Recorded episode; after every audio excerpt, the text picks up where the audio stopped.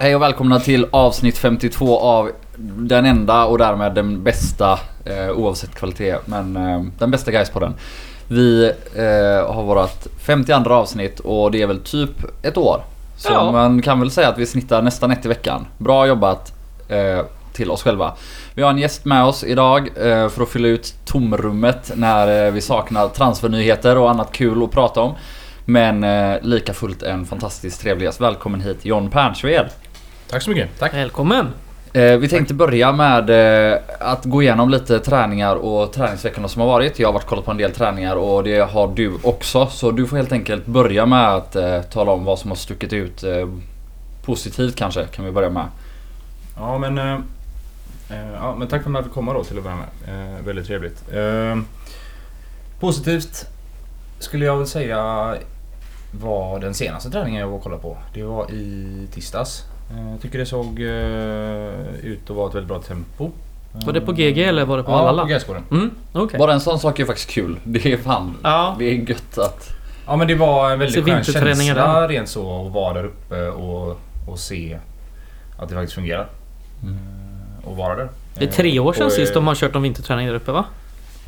Ja, Något sånt? Alltså det är nog... Jag skulle tippa på att det, Det är är, mer, ännu mer än det. Alltså Minst den, den konstgräsplanen som låg där tidigare har ju legat där... Den var ju gammal när jag spelade Gais och det är ju typ 11 år sedan nu. Mm.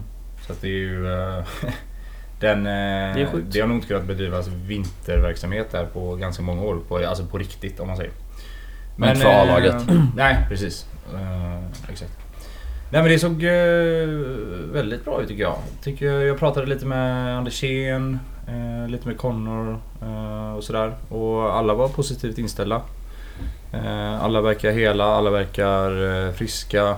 Eh, och ehm, Ja men det kändes som att eh, det var liksom en nivå som var ganska hög för att vara så pass tidigt. Mm. Jag får hålla med om den här goda stämningen. Jag var uppe och kollade på träningen i morse och frågade våran kära huvudtränare Stefan Jakobsson hur läget var. Mm. Och han sa att det var så bra så att han skäms. Oj! Oj! Ehm, Ja, det...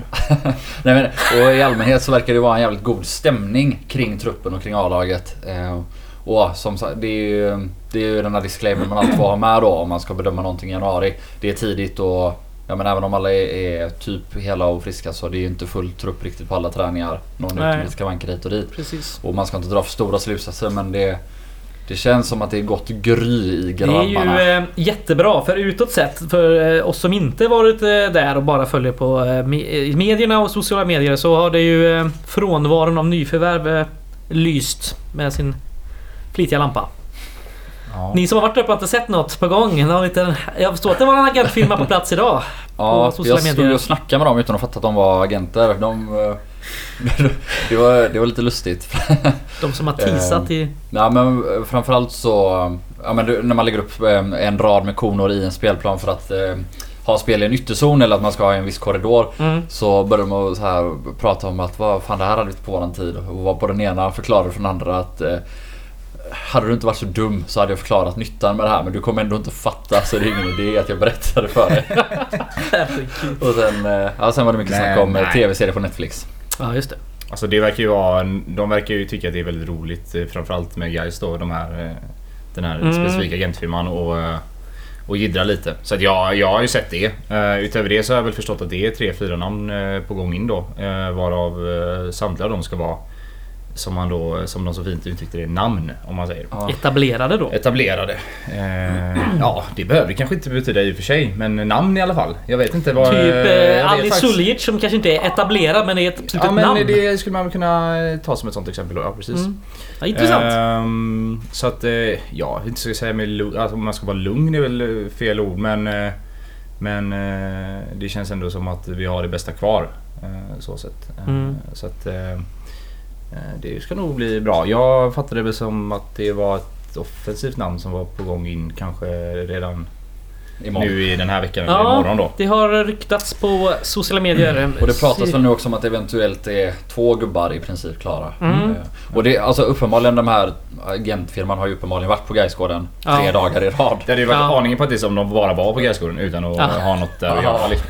Ja och samtidigt de har ju några spelare i truppen. Ja. Så det Så är det att, men eh, den här tiden på året så borde det ju såklart innebära någonting. Men är det, tror ni att det ligger något- det här med Ghost som de har hintat om väldigt många gånger nu? Är det, finns det Ja, någon, det är- kan man ju ja, dra för någon mig koppling till det det? eller? Stanisic alltså. För mig luktar det Stanisic. Ja ah, okej. Vad är eh, Ghost-kopplingen då? Ja, men bara att, att det är från samma... Att, det- jag vet inte. Det är ju efterblivet men någon... Ja, jag vet inte. Att det ska vara någonting eh, med att han går från en klubb i Ah. samma stad till en annan. Så att Ja. han Det spökar för ÖIS eller spökar, Jag vet Det är ett inte. litet antiklimax om det är Stanisic. Stanisic. Alltså jag, jag Ja. tror inte att han är en dålig spelare på något sätt. Tror Jag tror inte att han jag kan passa ganska bra men om man bygger upp en, eh, en hype, Hype på sociala det. medier på det här sättet som uh, agentfirman har gjort och som kanske alltså, Men de... vi vid sidan av Ja, har bidragit till så känns det lite Det är, antingen är det tråkigt om ju det ska landa i Stanisic. riktigt men- dumt. Eller om det är han så är det väl för att de vill spela ut kanske då riktigt dumt spela ut eh, guys mot Varberg här nu. Som ens ryktades vara klar. ju, jag tror de bara tycker det är kul typ, Ja. att teasa i sociala medier. Men eh, Stanisic, om det nu är han då. Han är väl inte riktigt en, en snabb passningssäker mittback som Stefan Jakobsson vill ha? Eller? Ja, Är han han är ju snabb? snabbare än Carl Nyström och Emil Wahlström. Sen är han ju inte... Men, eller så här, jag vet inte. Man får väl tänka på vad är snabbt för en mittback också Ja, lite grann. Eh, jag menar, vi, vi kommer inte ha en August Wengberg eller Harun Ibrahim eller Aiden Harvey som mittback. Eh, så det kanske man inte kan ha som krav heller. Och han är väl... Ja, han är en hyfsat snabb mittback. Sen, jag vet inte om det liksom räcker då för att stämma in på våran snabba profil eller, Nej. eller hur man tänker där. Men... eh, Det lär inte vara enda mittbacken som kommer heller om man fattat rätt. Så att... Eh, Nej, om man får gissa så är det väl så att de fyra spelarna borde vara två mittbackar, en tia och en anfallare.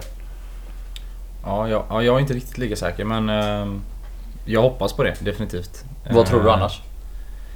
Ja, jag tror väl att man kanske står och väger lite mellan att värva tre dyra spelare eller fyra eh, halvdyra spelare. mm. Eller vad man nu, hur man nu väljer att använda pengarna men eh, jag hoppas nog också att det krävs, eh, eller att det är två mittbackar eh, som båda två går in i, i Elva. en eh, tänkt eh, startelva då. Jag, ja, av de träningar man har sett så är det ju Hultqvist då som inte på något sätt ser dålig ut tycker inte jag men det är nog ett tufft steg att gå från Mm.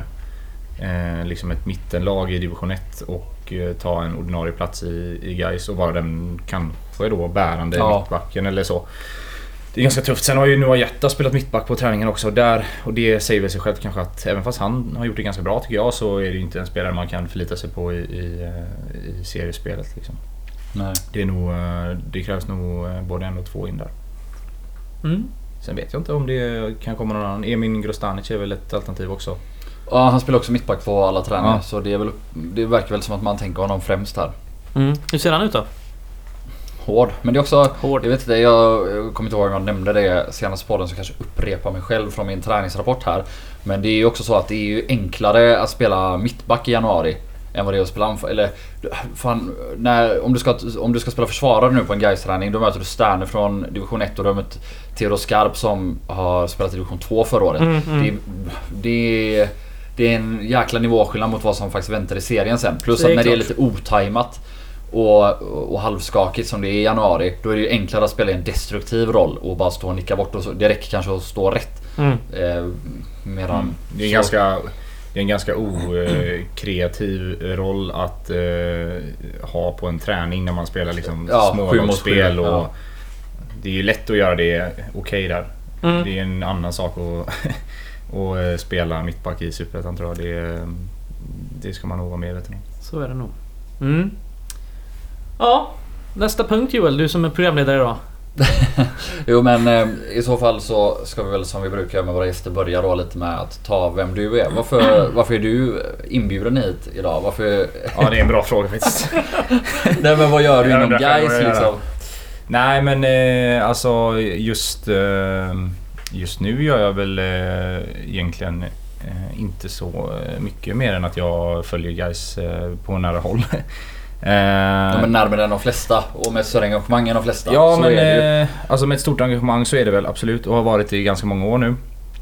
Eh, hela min eh, resa med guys började väl, ja men det började när man var liten. Jag gick ju på Gamla Ullevi så som, som barn med min pappa då som också är engagerad och, och sådär. Eh, och sen eh, så min egna resa började väl tillsammans med dig Joel någon gång där kring eh, åren på Nya Ullevi tror jag. Mm. När vi lämnade gamla och hade två mellanår på nya. Var det? Mm. 0708. 0708, ja precis. Då vi tillsammans med ja, men, liksom våra kompisgäng drog ihop någon form av Ultras tifo-grupp på den tiden. Jajamän. Som, Preppens som, Ultras. ja, precis. Som utmynnade i någon form av liksom sammanslagning med det som på den tiden var Gais tifo då. och Som blev det som idag också är eh, Gais tifo. Mm. Kan man väl säga. Eh, så det är väl där mitt engagemang har legat mycket Gais genom åren. Jag har suttit i Gårdakvarnens styrelse ett par år och jag har till och med jobbat eh, för Gais som SLO under eh, en period. Eh, Så att jag har väl eh, ja, jag har varit engagerad eh, på ett eller annat sätt i, eh, ja, men i typ 14 år eller vad det blir. 13 Mm. år. Det är lång är det väl. stund. Ja, det är ganska lång tid faktiskt när man, när man tänker på det. Ja, Man framförallt med eh, när du, och som jag själv också i viss mån är så pass ung. Ja, det, jag är inte det är en jävligt stor, det är bara eh, stor del av så att ditt det har ju varit- och våra liv. Hela mitt vuxna liv har ju präglats av, av Ja. Gais kan man säga. Halva Och, livet eh, har varit ja, ja, halva total livet. engagerad. Ja. Ångrar du det? Nej, inte. Alltså det gör man ju ibland. Alltså, nej, jag ska inte säga att jag gör det ibland. Men eh, det är klart att man ibland, eh, Ibland hatar man ju det. undrar vad fan man håller på med. Liksom, och man kan kolla på så här andra vänner och sånt där som, som pysslar med mer normala saker liksom, i livet. Och det, är- det är klart att man ibland undrar eh, vad man har valt att göra. Men samtidigt så ger det ju en väldigt, väldigt mycket också. Så att det, det, jag har aldrig ångrat det på något sätt faktiskt. Jag, Mm. jag tycker om det väldigt mycket. Hur länge var du med i Gårdakvarnen? Ja, alltså jag tänkte på det när jag var på väg hit. Jag är så jäkla dålig på årtal alltså. Och på, men jag, jag tror att jag har satt tre år. Mm. Det kan ha varit fyra, men jag tror att det var tre. Det jag tror jag satt två år eh, först. Och sen ett år till. Ja precis, du, Eller om det var två år den andra gången. Jag kommer faktiskt inte ihåg. Okej. Men eh, ja. Och du var eh, inte med eh, alltså, emellan då? Nej, jag tror att det var en paus emellan. Okej. Om jag inte minns helt fel. Om, ja, jag kan också, jag har ingen aning. men vi det satt- känns var- bekant vi med satt väl två plus ett. samtidigt, eh, alla de tre åren tror jag gjorde. Eller om det var Ja. två av dem. Jag, kommer, ja, jag, som sagt, fråga mig inte om årtalet. Nej. Jag, jag vet knappt när jag Vi ska själv försöka... är född. Men eh, ja, ett par år i Gårdakvarnens styrelse i alla fall. Mm. Eh, någon gång kring 13, 14, Ja, om det inte bara är 12. ja 12 Mm, kanske det förstår känns jag. igen från... Ja. eh, Man får väl kolla i gamla... Minnet och eh, fanzinesen. I gamla fanzines. Ja, de precis. står här uppe i hyllan faktiskt. Jag har ett nice. gäng. På tal om fanzine, jag kommer ihåg att du eh, någon gång skrev eh, en del i ett fanzine där du, eh, ja men kanske inte pläderade för Bravida Arena men åtminstone Mm, just tog det. upp frågan att den borde Ja. utredas ordentligt i alla fall. ja. Och som jag kände det då så du kanske ändå lutade mot att, att det var ja, ett bättre alternativ än Gamla Ullevi eller att du åtminstone ty, ja, jag tror att en eventuell utredning hade kommit fram till det kanske. Ja. Vad, vad står du i arenafrågan idag? Alltså inte Ja. bara Bravida. Alltså det, arenafrågan är ju egentligen misär om man, ska, om man liksom verkligen ska vara helt ärlig. Jag, det finns ju inga bra alternativ egentligen. så det, är det. Ju, det är ju det man får... Utan det enda man kan prata om är ju det minst dåliga. ja. Mm. Och... Som sagt, det här med årtal och sådär. Ja, det, vi hade väl varit där, vi hade väl provat på den... Vi hade väl provat på Bravida i samband med någon cupematch eller Ja, träningsmatch. eh, Där det Även faktiskt var lite folk. seriematch också. Ja, möjligt att det var I det i samband med väl? Ja, i fjol Jo, precis. men Men, ja, i samband med Men att jag... innan det. Samband med att jag skrev det här i den här fan... Ja, tror det var fanzinen. 2017 Ja, men det var års när tidning, Bravida var nytt. Ja, precis. Detta kom upp. Eh, och, eh, och jag tycker väl fortfarande att om man ska se bara arenamässigt att det är den bästa arenan. Eller den Mm. minst sämsta då. Eh, sen är det ju hela den grejen som spelar på Hisingen och jag har väl kanske med åren... Eh, den idén har väl kanske svanat lite även i, eh, i mina tankar med åren Mm. om jag ska vara helt ärlig. Lite kanske också för att vi på något sätt har gjort det lite mindre dåligt på Gamla Ullevi. Alltså jag tycker nog att det var väldigt deppigt när vi, de sista åren när vi stod på eh, kortsidan. Mm. Och framförallt var det deppigt de här åren när vi flyttade Fram och tillbaka. typ hela tiden. Ja, Mm. Eh, och, eh, ja men verkligen. och det blir liksom...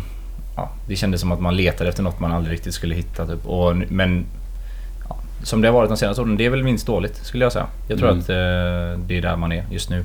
Sen så finns det jättemycket att göra på Gamla Ullevi som arena. Alltså i saker och ting omkring, i, i barmöjligheter, i, i, i utbudsmöjligheter och sånt där. Men det är ju en Mm. annan fråga. Det är väl inte... Och det är ju mer det god event än det är Gais mer gott kanske. än Gais, precis. Ja. Och det är ju inte, det är inte så att det är fruktansvärt mycket vassare på Bravida. Nej. Eller någon annanstans. eh, Nej det är ju egentligen. samma. Om Typ inte, samma. Ja. Ja. Eh, Så att eh, jag tycker nog, om jag ska vara helt ärlig så är jag nog kanske tillbaka på Gamla Ullevi. Mm. Men jag tycker framförallt det är en fråga som Gais hade kunnat jobba mycket, mycket mer aktivt med. Mm. Eh, Att göra upplevelsen på hemmamatcherna bättre. Det, eh, man gör ju egentligen ingenting idag skulle jag säga. Alltså man jobbar ju med att Ja, vad ska man säga? Arrangera. Eh, att lyckas genomföra hemmamatcherna men inte mycket mer än det. Och det är ju en resursfråga såklart. Men eh, Vad borde man göra? Om man mycket. Hade lite mer resurser eller till, eh, ja, skaffade lite mer resurser till Ja, men alltså det handlar ju om anpassning för, för den typen av publik som guys har på sina matcher. Alltså vi har väl, om man ska säga andelsmässigt kanske lägre andel... Eh, eh, vad ska man säga? Alltså, besökare som besöker guys eh, kanske en gång om året eller två Mm. gånger om året som eh, Blåvitt eh, möjligtvis har Engångs- då. Engångs... Eh, Biljettköpare? man biljettköpare Mm. kanske man kan kalla det precis. Ja, eller Eller- evenemangssupportrar. Ja, ja, man, precis. man, man ja, behöver inte mena det som något negativt. Och, Nej, och nej, jag, nej. jag tror att man kan öka den, den delen av, av besökare eller kunder då eller vad man nu väljer att kalla det. Ganska så ordentligt om man liksom låter upplevelsen vara någonting man vill återvända till. För så är det ju inte alltid tyvärr på Gamla Ullevi liksom. Mm. Det luktar ju skit och du får ju stå i kö i, i 100 år för att få en bärs Mm. liksom. Och, och det finns ingen mat i princip. Och, och sådär. Det, jag tycker, det är ju bara för dåligt. Och, jag, och att man inte kan göra det bättre. Det handlar nog egentligen bara om att det är ingen som tar tag i det. Alltså Mm. Jag kan inte heller se en anledning till att ett Gott Event skulle vilja erbjuda en dålig upplevelse på sin arena. Jag tror bara det handlar om att de måste prata med dem och liksom ta Ja, på dialogen och, och förklara att det faktiskt kan vara ett mervärde för, för alla parter om man, om man gör det bra. Liksom. Mm.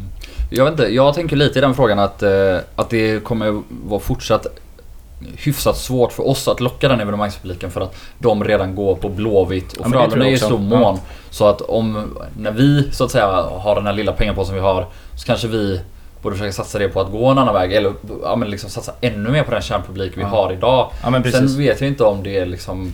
Ja, jag tror inte att eh, vi ska ens konkurrera om någon, om någon evenemangspublik. Utan jag Mm. tror...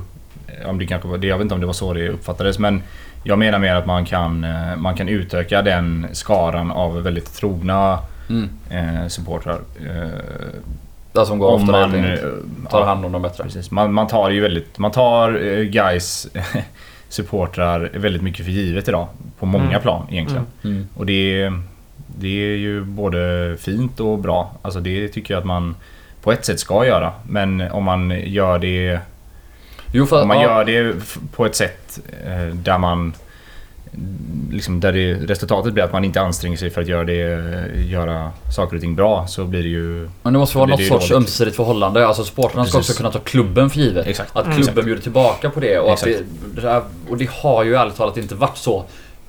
Kanske de senaste 7-8 åren. Alltså sen 2013 egentligen när vi åkte ur i princip. Eller det har gjorts olika försök då och då. Ja, nej men det, så är det. Det är ju det är någonting som spelar sig i, i många frågor. Det är verkligen inte bara rena frågan utan det är, det är ju eh, generellt sett genom hela, genom hela föreningen eh, ibland Mm. kan jag tycka. Eh, så är det. Eh, Men det var ett långt ska- svar på frågan om vi Det ska var det. bara vidare inte men eh, jag har nog svängt över till Ullevi igen tror jag. Ja, jag håller Ja. med dig. Fan man längtar ju till kön på Otterbaren nu liksom. Ja. Nu har det ju varit Man längtar länge till en sedan. kö liksom. Ja, fan man gör det alltså. Stå och trängas Ja. ja. ihop. Ehm, vi backar bandet lite kanske. Har du ett sämsta respektive bästa Gais-minne från eh, ditt liv? Alltså jag har ju så jäkla mycket minnen alltså. Sämsta minnet. Alltså sämsta minnet är ju någonstans också ett ganska roligt minne på något sätt. Men det måste nog ändå vara Norrköping. Alltså man ska se sämsta ur... Sportsligt? ur, ur ja men liksom ur hur guys mådde och hur guys var då så måste det nog ändå vara när vi mötte Norrköping borta 2012. Mm. Eh, och vi förlorade med 7-1 var det väl. Vi återvände Ja, hem 7-2 med- va? 7-2 kanske det var.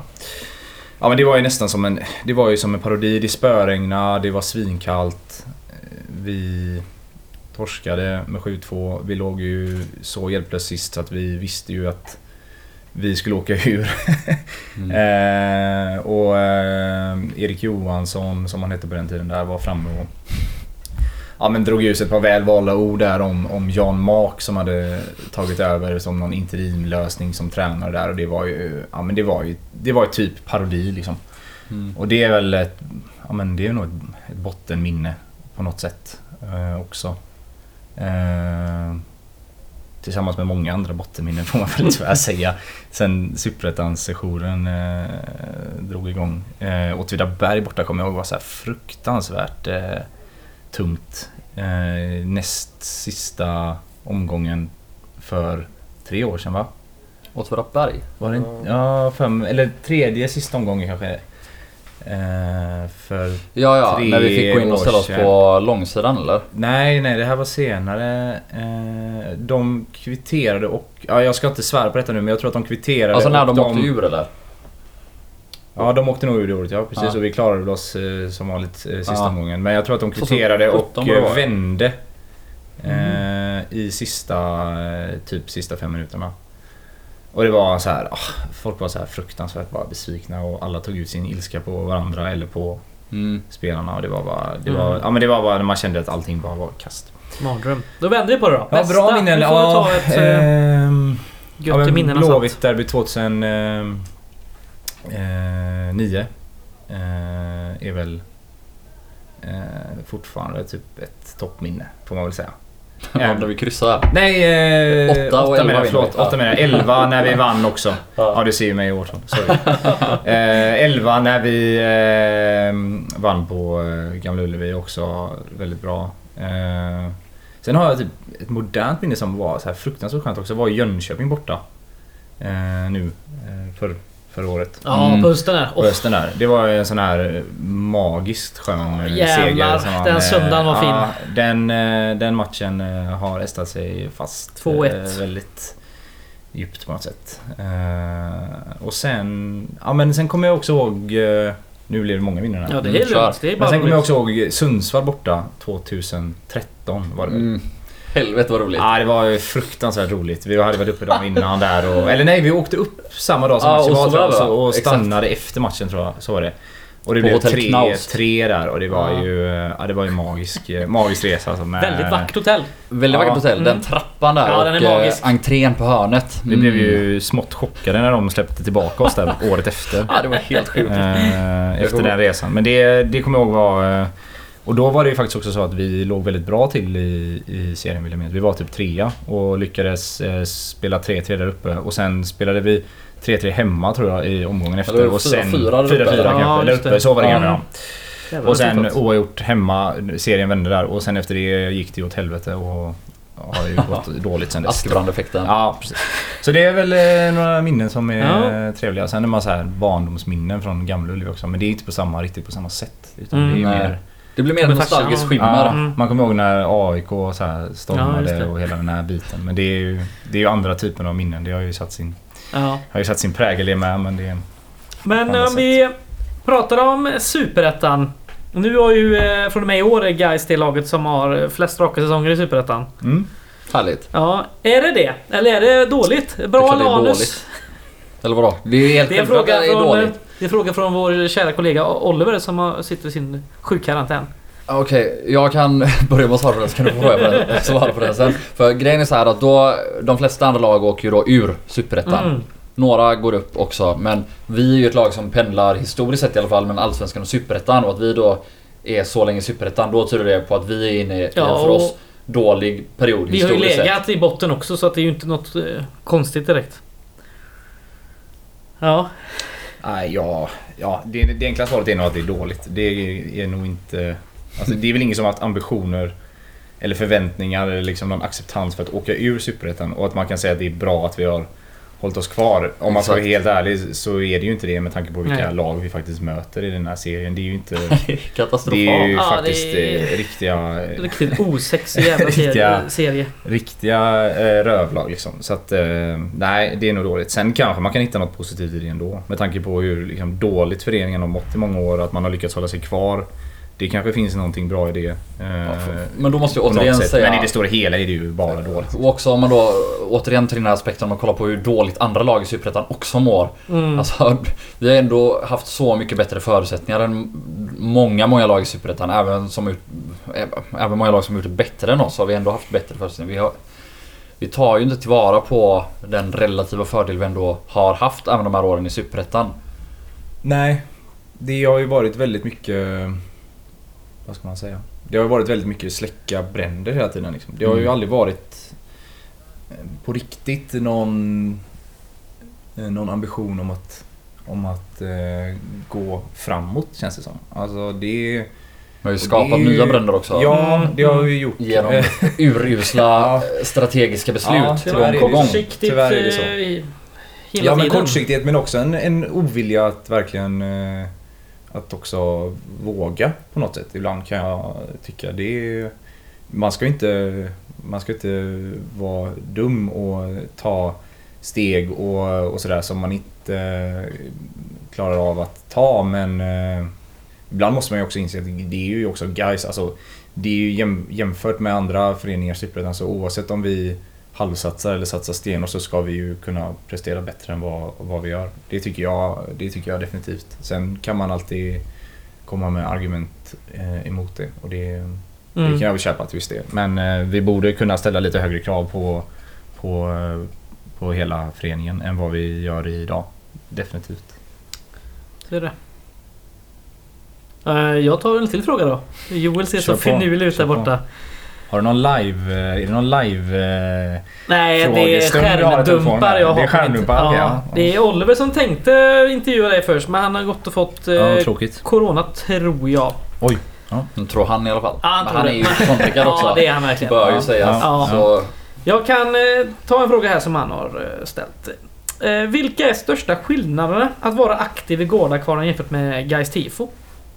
Förutom det uppenbara då, producera tifo Oj. mot att eh, rodda bortabussar. Får man lite mer beröm till exempel efter ett lyckat eh, tifo kontra en eh, riktigt lyckad bortabuss, bortaresa man planerat? Ehm, Det är bara skit. Nej, alltså... Ja, alltså, ja, det är en väldigt svår fråga. Ja, det är helt olika saker på något sätt. Alltså, ehm, det är nog två helt olika typer av engagemang. Alltså det är väldigt så här intensivt engagemang att, att vara med i Hästtifo i vissa perioder. Och det är det ju Gårdakvarnen med men... Men för min del så... eh, Är väl, ja, vad ska man säga? Det är ju ett... Det är ett mer strukturerat och kanske ett arbete som eh, grundar sig i någon form av så här demokratiska eh, beslut med årsmöten och mer tydligt definierade medlemmar i Gårdakvarnen på ett annat sätt. Det är Mm. det ju inte riktigt i GSTIFO. Vi har ju vi är ju mer som en, vi är en gruppering så att Ja. säga, av människor och av vänner typ som, eh, som eh, delar samma intresse och... eh, och var väldigt länge en platt organisation. Ja precis. Helt sinnessjukt. En, en platt organisation. Ja, det är, fint. Ineffektivt. Hur är det nu då? Det är fint i Militär... te- eh, fint i Nej, det är det verkligen inte. Men Nej, definitivt inte. Men det är, nej, men det, jag skulle säga att det är två helt olika Mm. typer av, av engagemang. Vad Definitivt. skiljer i typ nedlagda timmar om man skulle jämföra? Är det mycket mer i tifom och... Nå, ja, alltså jag kan bara jämföra när jag var med i Gårdakvarnen så var det väl... Eh, la jag väl under den tiden ändå mycket fler timmar på eh, verksamheten i Gestifo än i Gårdakvarnen. Mm. Och, det, och så är det väl eh, för mig än idag såklart. Men, eh, nej, men det blir väl lite så här sena nätter och, eh, och eh, långa helger och sånt där i vissa perioder. Mm. När man eh, jobbar med saker. Och alltså sen, det beror ju eh, verkligen på vad man gör inom de båda föreningarna Ja, också. definitivt. Men rent generellt är det klart att det är många mer fysiska arbetstimmar du måste Ja, lägga precis. i GSTIFO än att typ Gårdakvarnen så är det mycket mer administration än att faktiskt typ skapa saker med Sen ska man nog vara ärlig med att jag tror att Gårdakvarnen idag är ju lite mer strukturerade och vassare än vad vi var då. Eh, Så att ja, det är mycket möjligt att det kanske är, är mer, är mer jobb. Alltså, ni gör ju fler saker idag. Alltså, det var på min tid var det mycket fokus på bortaresor. Mm. Och det har väl kanske i och för sig naturligt eh, blivit Ja. så att det, att det inte har varit det. Framförallt inte detta året. Nej, Men, eh, Eh, precis. Alltså, det var ju lite så här tåg och, och hela den biten under den perioden. Och det har ju varit svårt den senaste tiden att, att rodda Ja. sånt i, i Gårdakonens regi kanske. Nej, jag har varit med eh, de senaste två åren så det bara varit ett tåg. Ja men precis. Så att, alltså, ja. och det, Ja men också att det, alltså, nu snittar vi kanske en buss på, eller då var det ändå Ja, Det hände flera. fortfarande på den Ja. tiden att Ja. det till en vanlig bortamatch inom citationstecken kunde vara två och ibland tre bussar. Och var det en, en fredagsmatch mot någonting som var två, tre timmar bort då kunde vi få upp två Ja. bussar. Alltså inte varje gång men ändå ofta. Mm, mm. Så det är klart att ja, det har också viktats om eller vad man ska säga. Men det är ju, ja precis. Det har blivit naturligt att man hittar andra vägar att engagera sig kanske. Men det är, ju- det är ju bara positivt egentligen. Mm. Kan jag tycka. Eh, Oliver har en liten eh, spaning över att du kanske är den eh, supporter som är eh, mest bestört över att Kalle lämnat. Jag vet Oj. inte varför han har fått Helt den här... fel. Han har lyckats... Eh, alltså jag är ju ganska bestört över att Kalle har lämnat som... För det är det han går vidare på här. Jag kanske ska läsa klart ja men läs klart fråga, förlåt. Eh, mer på ett djupare plan för han är en proffsig kapten och en klubbambassadör som, eh, som behövs mer utanför planen kanske än, eh, än på den i hans sportsliga insatser. Ja, alltså... Jag vill inte sänka Kalle här i någon eh, form. Men alltså sportsligt så tror jag att Kalle går att ersätta ganska... Eh, ja men... Kanske inte enkelt för att det finns ju ändå en... Någon, något värde i att ha spelat länge och veta eh, hur det fungerar liksom Mm. även på planen då Mm. i- form av kontinuitet. Men sen vid sidan av så är han ju i princip eh, omöjlig att ersätta skulle jag säga. I alla fall på ett kort, i ett kortare perspektiv. Ehm, det är ju väldigt ovanligt med människor som eh, eller fotbollsspelare som tar eh, ansvar och eh, som ser saker och ting liksom på fler plan än, än bara, eh, bara rent sportsligt. Och, och, alltså jag älskar ju han, han pratar ju ofta i, i föreningen, alltså i termer om föreningen och typ hur vi ska ta kliv som, som förening och som, eh, och som klubb då och, och, eh, och hur det ofta involverar andra saker än bara eh, spelet på plan. Mm. Eller gjorde då. Ja, precis. Men... ehm, och det är väl också talande lite för liksom hur, han, hur han väljer att... Tyvärr blir det väl talande hur han också väljer att avsluta då för att... Han slutar ju liksom inte för att han är för... För dålig eller så. Mm. Han slutar ju för att han är smart på ett sätt. Han slutar ju liksom för sin egna och sin familjs skull och och flytta till Stockholm då. Och det är ju... ehm, Det är väl inte oväntat heller på ett Nej. sätt. Alltså det är ju det är väl ungefär vad man förväntar sig.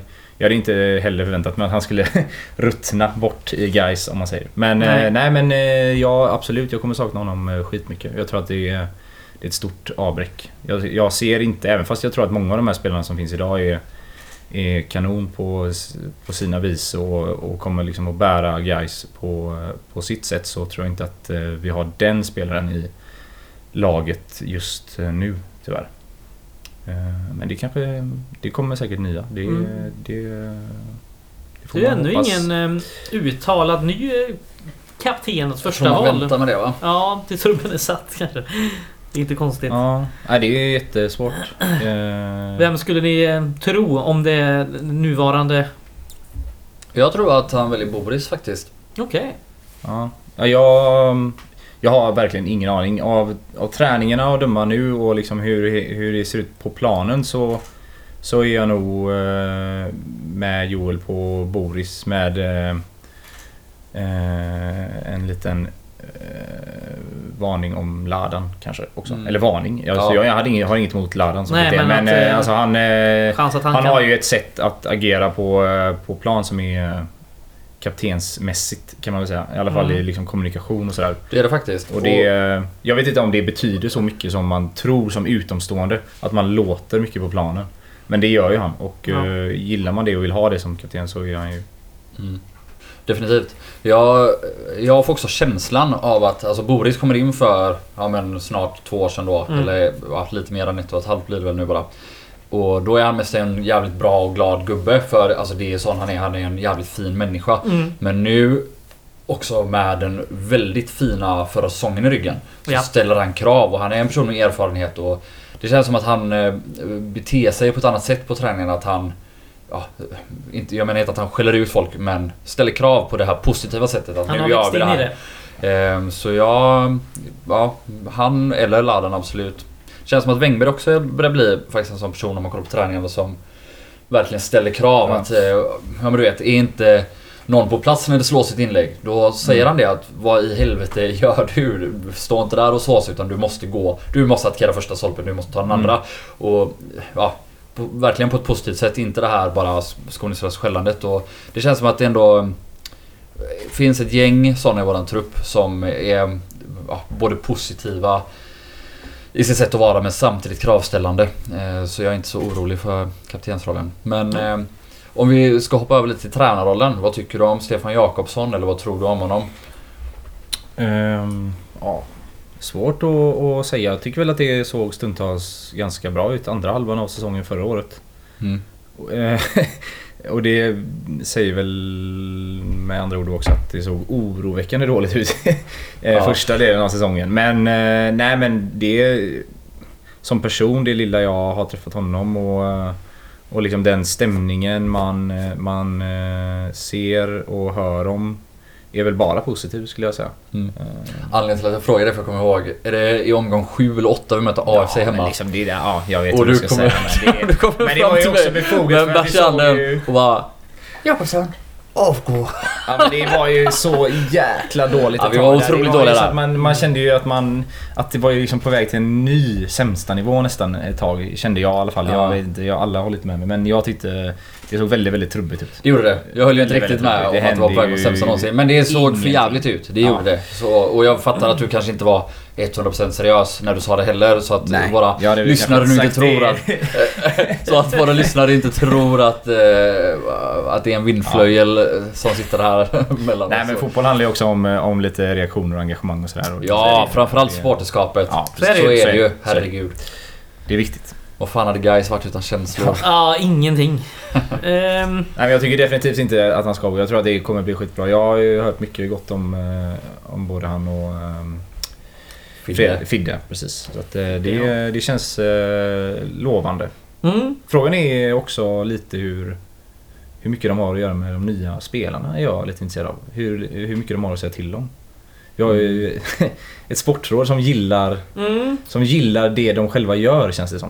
Om du Ja. förstår vad jag För, menar. eh, Alltså de... Vi hade ju Karlström här och han påstår sig ju att han får in en jädra massa videor och förfrågningar och allting. Ja. Och tar reda på spelaren om det är något att ha. Ja, eh, Rejektar det kanske eller går vidare med det till Sportrådet. just det. Och efter det så går de vidare med det till spelar... Eller till Ja. ja. tränarduon. Mm. Så att jag tror de är involverade på ett sätt men jag tror inte de kanske säger... Eller handpickarna. Ladan. Ja, om jag har fattat det rätt så är det väldigt mycket att Jakobsson kanske kommer med en kravprofil till Ja. Sportrådet. Säger vi vill ha snabba mittbackar, vi vill ha en mittback som är vänsterfotad och snabb.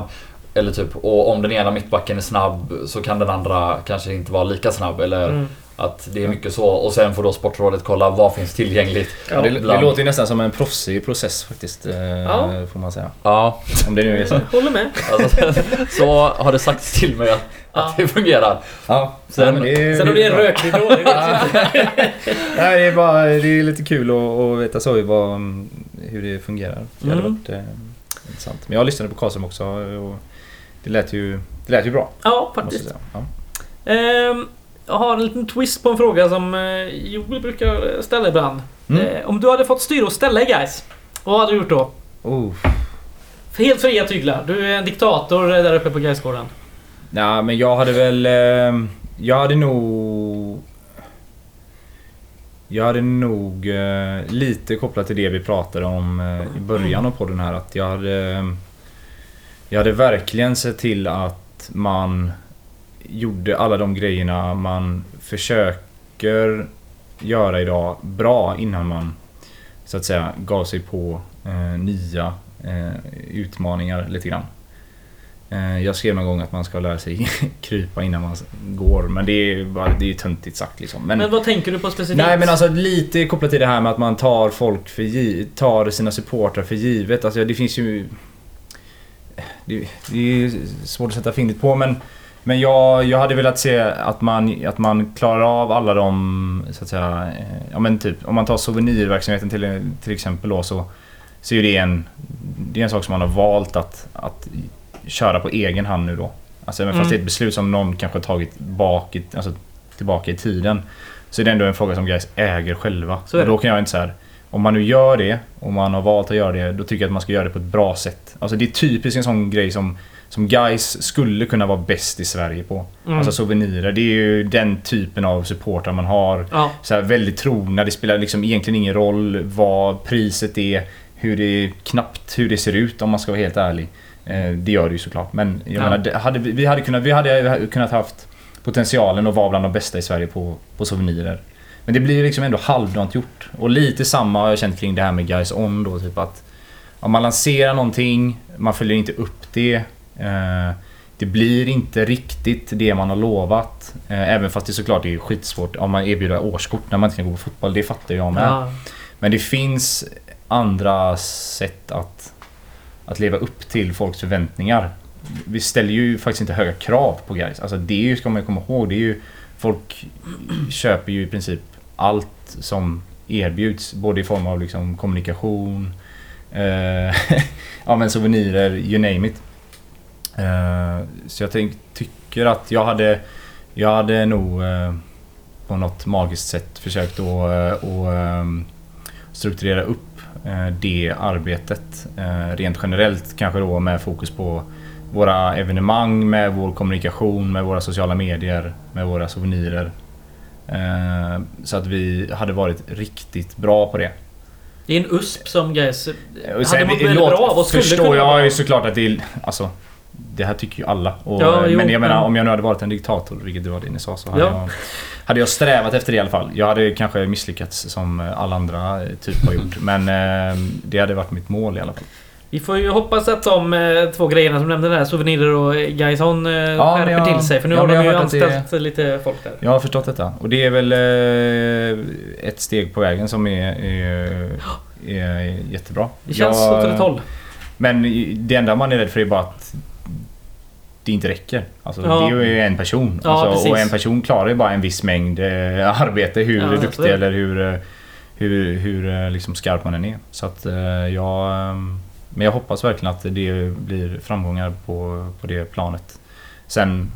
Ja men kommunikationsbiten är väl också fortfarande lite och eh, Ja. ha lite mer att önska kanske. Lite i. Men Om- det. Ja. Om jag ställer om frågan. eh, Innan Yes. var det om du styr och ställer allt guys. När ska du styra och ställa allt guys? Oj. Oh. Ja men... eh, nej jag, jag, jag ska nog aldrig... Jag tror aldrig att jag ska styra och ställa allt i grejer. Jag tror inte att Nej jag jag är menar självklart eh, inte ensam och jag menar Nej inte men som jag förstår det. Jag, men, jag, eh, förstår det mer lite skämtsamt. Men... eh, nej, När ska men, du in i eh, modeföreningen och jobba för den antingen helt ideellt eller som anställd eller som styrelsemedlem eller, Nej, det, eller inget av det? Det har jag egentligen inga... Det, det har jag ingen aning om. Det, hade ju, alltså, det väl, tycker väl alla som är, jobbar med, med guys på ett annat sätt. Alla har ju åsikter. Alltså, Mm. På samma sätt som jag har åsikter om guys så är det ju någon annan som har lika många åsikter. Jag menar du och jag har väl diskuterat det i all oändlighet. Och, Mm. och, ehm, och det är ju samma med de som sitter där idag. De har ju, de har ju sina sätt att, att se till vad som är, vad som är bäst för guys. Jag hade ju bara kunnat önska att det fanns en liten bredare skara av guysare som kanske hade kunnat ja, Framförallt på den här styrelsenivån då som hade kunnat se till guys bästa. Det känns som att det ganska ofta handlar om om personliga eh, liksom, eh, agendor och, och,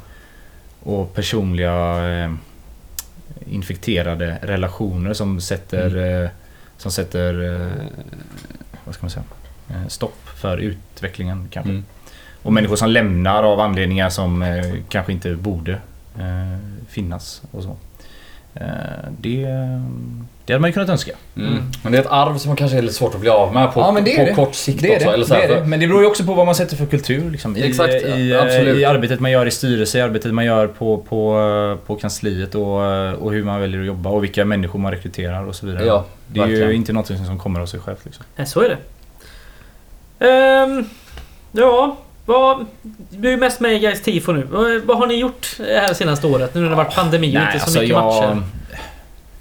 Eh, vi, ja, vi har väl... Så- sålt munskydd. Ja. Ja, Sålt en det. jävla massa munskydd. Ja, så är det nu senast. Men Eh, några banderoller har ni gjort. Ja, eh, men lite sådär. Vi har väl eh, fokuserat lite smått på, på de här två derbyna som har varit. Och, Mm. Nej, men det är, det, ja, det är många andra som är mer engagerade än vad jag är faktiskt i det. Så jag ska inte ta åt mig någon ära överhuvudtaget i, i de bitarna. Men, eh, men det, det är väl det vi har gjort i år. Och eh, det kan väl... Vi hade ju faktiskt för en gångs skull så att vi började i råbra tid med, med grejer inför premiären. Och sen kommer det en pandemi då Ja, som så sabbade allting. Så vi har ju typ här vi har två färdiga eh, tifo-arrangemang som ligger i ett förråd och väntar på Ja. att bli, eh, bli använda. Så vi får gärna eh, få Norrby borta i Ja. premiären eh, igen. Det fick vi inte nu men eh, Jag tror... något eh, annat år kanske. Ja, det är Elis som sa det när han var här som gäst. eh, Att han hypade upp det också. Eh, Intressant! Ja. Längtar tillbaka ännu mer till fotbollen nu. ja, jag längtar väldigt mycket också. Eh, vi har då en sista fråga från eh, herr Schultz. Ja. Eh, Gais tifo naturligt generationsskifte men kanske också ett stilbyte. Tänker kanske inte främst på tifostil, mer vad Gais tifomedlemmar representerar idag kontra 10 år sedan. Eh, han undrar då om det är en korrekt spaning, om du har några tankar på det? Hm. Ja men det är en eh, intelligent spaning eh, kan man väl säga. Men det är ju, jag tror att det där är fullt naturligt. Jag tror att du kan kolla på vilka läktargrupperingar som helst i princip i, i hela Sverige. Så är det ju, en, är det ju alltså om man nu får beteckna kids liksom idag tycker jag om en sak och eh, kids på eh, Kids jag är fortfarande kid liksom. Men eh, eh, när jag var 16-17 år så tyckte man väl om en sak. Och, och kidsen idag tycker väl om en helt annan sak. Liksom. Vi Mm. målade tifon i typ Kapten Röds replokal och, och tyckte det var coolt att lyssna på eh, reggae och typ röka gräs eller vad vi Mm. nu gjorde. Jag vet inte. Spice. Ja, precis. Spicy det är väl inte guys. riktigt eh, samma, eh, samma stuk idag på, eh, på, eh, på folket. Men Alltså, eh, det, det, är ju... del, Alltså, dels är ser det som sant, men dels är det också... Det blir, det blir lite vad man letar efter. Om du letar efter olikheter så går de att hitta men det är ju också mycket som är väldigt samma. Ja. Alltså visst att det ändå är så lite men alltså Gais Tifo gör ändå mer eller mindre samma kärnverksamhet eller så här, som är själva tifo-verksamheten. Jag vet inte. Det är, det är absolut delvis ett stilskifte i vad folk har på sig och kanske i hur politiskt engagerade man är eller diverse saker runt omkring liksom. Men det beror nästan snarare på att alltså, Gais Tifo är ingen jättegrupp med jättemånga människor. Och då är det så här att om det var ett kompisgäng på 10 personer som var de som kanske liksom blev ansiktet utåt och gjorde mest för 10 år sedan och de nu ersätts av några andra. Då har det blivit delvis lite annat men ja. Men det, det beror också på hur man ser det. Jag, jag, det här är absolut inte mot Oliver för jag vet att han definitivt inte är sån men jag menar det viktigaste är väl ändå någonstans att man har ett engagemang för Mm. Gais typ. Jag har ändå alltid Verkligen. försökt ha det som regel att, att, man, ska, att man ska bemöta liksom de flesta människor som, som delar eh, engagemanget i Gais på, på ett eh, liksom rättvist och så långt det är möjligt lika sätt. Eh, Alltså så länge som man håller på i en gais förening Ja, så är det ju precis. någonstans det som Ja. är viktigast. Så oavsett hur man, hur man typ klär sig eller hur man, vad man lyssnar på för musik eller vad man eh, ja, det- röstar på också kan jag säga. Det Mm. håller inte alla riktigt med om då men eh, jag har alltid försökt ha den, liksom, den inställningen i alla fall. Eh, Det en- tror jag är ganska, det är ju ganska unikt också för, för eh, supporterrörelsen. Att man har den i, stora, alltså i stor utsträckning i alla fall den acceptansen så, för människor. Typ. måste Eller olika människor ska man väl säga. Sen ska tilläggas att Oliver är ju fortfarande ganska ung. Viktigt det där med identitet. Ja, men ung och smart skulle jag Ja, ja. säga. Det håller jag med om. Ung och intelligent. Jag har egentligen bara en sista fråga om inte Joel har med. Men eh, hur orolig är, hur orolig är du för truppbygget och säsongen i stort? På en skala. Känner du dig eh, cool? Alltså, truppbygget eh, är man mer... Jag är, man blir mer frustrerad. Man vill ju liksom... Man, man vill att det ska hända något. Men jag är inte så orolig om jag ska vara helt ärlig. Det, det kommer ju ske saker. Det, det fattar ju alla. Det, Ja. det saknas ju spelare och spelare ska in. Och eh, det är av allt att döma eh, spelare som är bra. Liksom. Eh, så det är jag inte orolig över. Men jag, det man skulle kunna vara lite orolig över är väl att se hur allting kommer att vara den dag man eventuellt får gå tillbaka på, Mm. Eh, på fotboll. Då. Alltså vilka, vilka återvänder och vilka återvänder inte och hur, ser det ut? och hur kommer det se ut? Hur, för den... Det snacket har man väl inte hört så här svinmycket om. Inte i någon förening i princip egentligen. Eh, Nej. Alltså hur... Vad har förändrats under ett helt år eh, utan fotboll? Och kanske typ ett och ett halvt år utan fotboll. Det vet vi inte när vi får komma tillbaka. Nej, eh, precis. Och vad, vad får det för konsekvenser och, och, eh, och hur lång tid tar det innan man är tillbaka liksom, på en nivå där vi var tidigare? Det kan jag väl vara lite orolig över. Jag, ja, erfarenheten säger väl att Gais inte är så här. De är ju inte oftast tyvärr... Eh, ska man säga?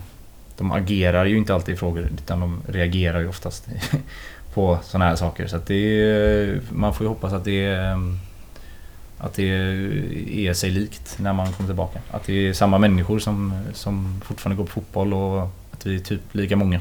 Ja, och inte fler. Och att typ sponsorer och sånt där. Och, ja men det kan, vi kanske är fler, jag har ingen aning. Men ja, det man är hoppas ju. Ja, det kan man ju hoppas. En sak som jag nästan har glömt av under pandemin men som typ slog mig för två veckor sedan är ju hela den här villkorstrappegrejen. Ja, just det. Som fortfarande, alltså... Det, jag vet inte, det kommer bli... eh, Ja, intressant kanske man kan säga. Eller... Ja, eller fruktansvärt tror jag. Hur polisen kommer agera när det väl släpps på publik igen. Och jag vet inte om jag är liksom överdrivet paranoid nu eller om det kommer vara att de också kan använda den här pandemin till att kolla det går att spela fotboll utan publik och liksom göra den grejen. Eller åtminstone att de utan ståplatspublik och bara allsvenskan rullar ju på ändå. Ni överdriver ni säger att svensk fotboll handlar så mycket om, om liksom läktarkultursdelen. Mm. Eh, jag vet inte. Det, det var en grej som verkligen slog mig för någon vecka sedan som jag faktiskt har tänkt på typ nonstop. Eller någon, några gånger dagligen sedan Ja. dess. Eh, vad som kommer hända nästa år. Och framförallt också när det kanske liksom eventuellt eh, Ja men blir, det kanske blir en sån jävla urladdning kring Mm. när det väl... Mm. Alltså jag hoppas kanske... Spårar fullkomligt. Ja men exakt! Att, ja, men, ja men allvarligt. Det hade varit så gött alltså. Ja, det, alltså, jag vill ju typ det. Jag vill ju bara åka på en bortamatch och att det ska balla ur 10 000 på Norrby hemma. Ja, typ. alltså, och du vet och att det bara flyger glas och stolar Ja, och bengaler. Ja. kastas i nacken på domare. Typ. Ja. Man, Men vi har ju Jönköping borta där på midsommardagen såg jag. Mm. Det är potential att bli eh, legendariskt. riktigt stökigt. Vi Alltså. måste ha en, eh, en lastbilslass med vaccin bara och så Ja. in med allt. Ja, men, Nej, men nej, en men jag sak- är med dig i det. En sak som jag tänkte på dock som då kanske talar emot lite det är om det släpps på lite sakta. Mm. Alltså att man Ja, får restriktioner. Det, så att det inte blir den här mega-urladdningen och eh, jag vet inte. Det är väl kanske liksom större risk att det smäller i Stockholm än, än här i Ja, någon jo. premiär och så. Men just att, eh, ja jag vet fan. Den här villkorstrappan hänger fortfarande över oss. Det den. man har lite glömt av det. Men man har väl sett de här argumenten lite smått från polisen. Ja, de testar dem. Det är som att skicka ut små testballonger. uttalanden men om Mm. att eh, ja, det krävs mindre polisresurser nu när vi inte spelar fotboll och det är... Ja, Alltså hur man det är kan så resonera så är bakvänt och det, dumt det, så att det liknar ingenting. är ju deras jobb att Men, jobba eh, när det är evenemang och att de inte behöver göra det när det inte är några evenemang kan ju inte användas som ett argument för att Nej. man inte... Den värsta i klassen var väl Erik Nord som Men det är så korkat så det är ju löjligt. De fattar ju inte sin egna roll ens. Det är ju så dumt som man tror inte att det är sant. Men det... Ja, det kommer, Det ju det kommer ju att bli, det kommer ju att bli eh, den typen av, eh, av, ehm, av eh, vad ska man säga, tongångar från eh, myndighetshåll. Mm. Med all sannolikhet. Och då får man väl bara vara förberedd på det. Jag, ja, det är väl SFSU och SEF framförallt. Mm, eh, är ju exakt. ganska vakna i den frågan. Så att, Mm. eh, det känns ju... Ja, det är tryggt att det ändå man har elitfotbollen med sig. I Det är det verkligen. Frågan. Men jag blir också sån här, jag vet inte, det är ju lite egoistiskt liksom men jag... Det är ju lite så här, som, de provar ju sån här banderollförbud på- på Sundsvall först. Det är också liksom, Mm. det är som i politiken, man skickar, man skickar inte fram partiledaren först oftast och säger någonting kontroversiellt. Utan man Nej. testar det genom att spela ut lite mindre politiker först. De får skicka ut testballonger. Ja, säg någonting i den här riktningen, se hur det Mm. landar Mm. och sen då, ja men det landar helt okej. Då provar vi det på Ja. tills... Och det känns som att polisen verkligen har gjort så och jag vet inte, det kanske är jag som är liksom paranoid igen då men att vi skulle, vi är så här ändå... Vi kommer ändå stöka till det någon gång. Och vi är inte så stora så att det blir världens ramaskri om de stänger ner oss. Nej.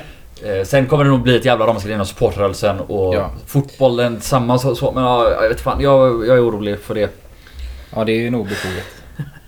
Ja, vi får eh, vänta och se helt enkelt. Roligt. Ja, Ja, men midsommardagen, eh, ja, hoppas det går att få- gå på fotboll eller vad. Ja. Eh, Joel! mm. Du lovade att eh, du skulle ta upp några saker eh, eftersom du programledde idag. Oj. Alltså, Ja. vad har jag lovat? Eh, ja, det står högst upp där. Högst upp. Du sa det innan vi började, men för vi ska Ja, köra kulturtips alldeles strax. Ja, jo men man jag ju... Tänk ut ett snabbt som fan. Förberett något. Ja, Ja, ja, jag hade tänkt säga det i början av programmet då. Men det får bli här strax innan avslutar så att John eh, får tid på sig att fundera ut ett kulturtips. Men eh, man kan ju följa oss i alla våra sociala medier såklart. På Twitter framförallt. Eh, Mm. Vi har en Facebook-sida också. Det spelar inte så jävla stor roll. Men eh, framförallt så kan man ju stötta oss på Patreon. Vi investerar i, i mycket bra saker. Julius Ja. Johanssons rygg. Vi har skaffat en eh, liten diktofon. Så det kanske Diktafon. blir någon diktafon. Mm. Det kanske blir någon, eh, någon så här kort intervju med John när han är uppe på någon träning och Ja. frågar vem är det som har Med brutit mig? benet. Ja, eller någon annan. Ja. Eller en att inte spelare. göra någon spelare. Någon. Det skulle kunna bli någon spelare. Kanske? Det kan bli, det Hörde kan du bli lite i. Säveån? Ja. Kallt. Nej, men eh, om ni har ett Patreon-konto så eh, skicka någon dollar till oss i månaden. Så Det gör går vi jävligt något, snabbt att skapa så ett gör också. vi, gör vi något kul för Guys skull för det. Mm. Eh, Och för att ge John ytterligare tid så kan jag börja kulturtipsa. Jag har varit och käkat en hel del på restauranger sen tiden. Netflix igen. Ja, I så fall får jag väl tipsa om eh, en bok. Best movie ever made, så den är inte så jävla bra. Ja, kulturtips låter väl skittrevligt. Eh, och jag har faktiskt inte förbrukat så mycket kultur här eh, på sistone. Och det blir ju lite tråkigt då, så jag redan tipsat om eh, minst en gång innan om Hullebeck. men, men jag har läst en till bok av honom som heter Kartan och territoriet. Och den är kanske den bästa boken av honom jag läst. Ihop med den här Submission. Vansinnigt roliga och lite mörka och hyfsat intelligenta. Han har, ett väldigt kul litterärt grepp i den här kartan och territoriet han skriver Alltså en av karaktärerna heter Mikael Hullebeck och har författat samma böcker som han har gjort. Eh, Jaha. Och ja, Han beskriver ju inte sig själv så jättefördelaktigt i den här till exempel. Det är festligt och kul. Intressant. Eh, Så ja, Fredrik vad har du att tipsa om? Eh, ja, jag har inte heller... Jag har haft fullt upp med annat. Jag har inte hunnit med så mycket kultur jag heller. Men ehm, jag och min sambo har börjat kolla om eh, Sopranos. Oj, oj, Det är världens äldsta tips evigt, kanske. Ett evigt Ja, det är ju Ett det. rullande Det är kulturtips. så Ja, det är det. jävla bra. Det är otroligt Vi roligt. såg klart säsong ett eh, häromdagen bara och jag menar, fan slår mig fortfarande hur jävla bra den serien är. Ja, den är och briljant. hur mycket man bryr sig om Vilken är, karaktärerna. vilken är din favoritscen?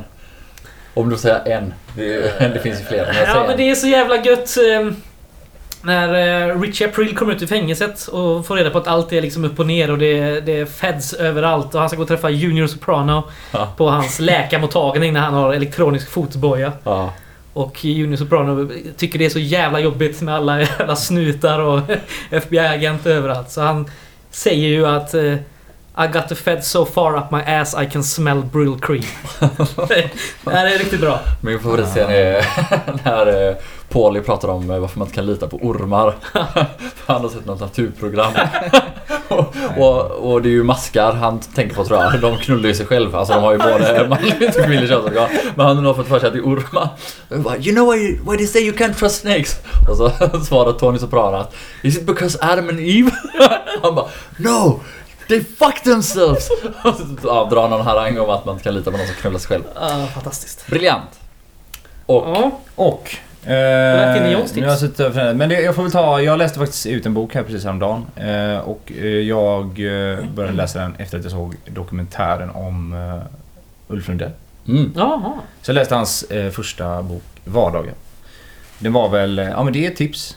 Det är nog inte den bästa boken jag läst men det är ju väldigt fina skildringar av, av vardagen. Det är precis det det l- låter, låter som. Mm. Bra bok. Småtung men bra. Hur var dokumentären? Jag har inte sett den. Ja men bra eh, också. Det var lite därför jag... jag det blev ett dubbeltips. Ja, Mm. det blev, dubbel- men det blev trippeltips faktiskt för jag har ett Mm. tips till. Men ehm, dokumentären var också bra. Jag har många så här lite äldre, typ min morsa, hon tyckte inte den var bra. Nej. Men hon vet ju kanske mer om Ulf Lundell än vad för jag, jag vet. Jag är inte så jävla eh, bevandrad i honom så att jag... Det var Ja. någon som inte fick något utrymme, någon producent som var gnällde ut i media. Det kanske är de Ja. som är riktigt inbitna kanske tyckte att det fattades något. Ja, men jag tyckte att det var en, en eh, intressant eh, skildring av eh, honom liksom som Mm. ung och hur, hur allting startade och sådär. Det tyckte jag var, ja, det var välgjort. Ja, jag håller med. Jag såg den faktiskt Ja. också. Blev positivt överraskad. Men man kanske inte ska vara Ulf Lundell-nörd om man ska se den då för då kanske man bara sitter och stör sig på att de inte har med allt. aning. Ja, kanske. Ehm, men sen får jag eh, ett mer eh, liksom, eh, vad ska man säga, populär kulturtips är väl en serie på ehm, SVT också faktiskt. Eh, Falsk identitet. Jag vet inte om du har tipsat om den här tidigare i podden. Josef borde ha gjort det men... Ja, det är Josef nog kanske inget om det. du Ja, det. vet att jävligt bra han, han har kollat på den också. Vi har Mm. diskuterat om den. Det är en fruktansvärt bra eh, fransk Det är det eh, agent eh, serie. Mm. Som går på... Fruktansvärt välgjord, känns som. på. Ja, det är nog det bästa jag har sett. Okej. Skulle jag säga. Jävlar. Det är ju för övrigt han som är, har huvudrollen där är ju han som är mopedkillen i Amelie från Montmartre. Ja, Aha. Fast 30 år äldre. det det är. eh, har någon nämnt. Jag har inte sett den men det eh, är ju eh, väldigt, väldigt välgjort franskt spiondrama. Extremt, extremt bra. Mm. Härligt. Det är Typ svårt att veta om vad som är sant i den världen och så och inte. Men Mm. man får ju verkligen känslan i alla fall och det är ju typ Ja, det viktiga när man kollar på sådana serier. Att det är fruktansvärt bra research. Ja, eh, det känns eh, ja, verkligen eh, liksom verklighetstroget Mm. på många sätt. Härligt. Ja, vi får väl stänga dagens eh, avsnitt och vi kanske ska säga det att eh, ni hört lite mobil, eller säga inte mobil utan eh, kameraklick och sådär, kameraljud. Så det var vän eh, Mattias Järlöv som är i bakgrunden och fotar oss. Det var Fredrik vill ha bilder och kunna sätta på väggarna hemma. På mig själv. Ja. Ja. Eller på dig snarare kanske. ja, tack. Vi får se om det blir något med de här bilderna. Om det blir något att ha. Jag vet inte. de kommer nog upp i våra sociala medier kanske. Och som ni kanske ser på de bilderna så sitter jag med fucking strumpa över hela mikrofonen. Mm, så Eh, skänk pengar på Patreon. Ja, så. för vi eh, måste ha nya Men grejer. varför har eh, ni bara två mickskydd? Ni hade bara råd med två, inte med tre? Vi har fyra, vi har en mikrofon till och två mik mik mikrofonskydd till. Ja. Men de är hemma hos Oliver. Ah, det, Vi körde ju Gårdakarlens årsmöte där. just det, just det. Så jag glömde dem. Så att, ja, det är väl lite mitt eget fel. Nu förstörde du det här upplägget för Patreon. Ja, men, men eh, det finns mycket annat man kan köpa också för, eh, ja, det gör det. för eh, pengarna. Ja, tack John för att du var med oss. Tack för att jag fick komma. Tack. Tack. Ha det gött. Hej. Hej.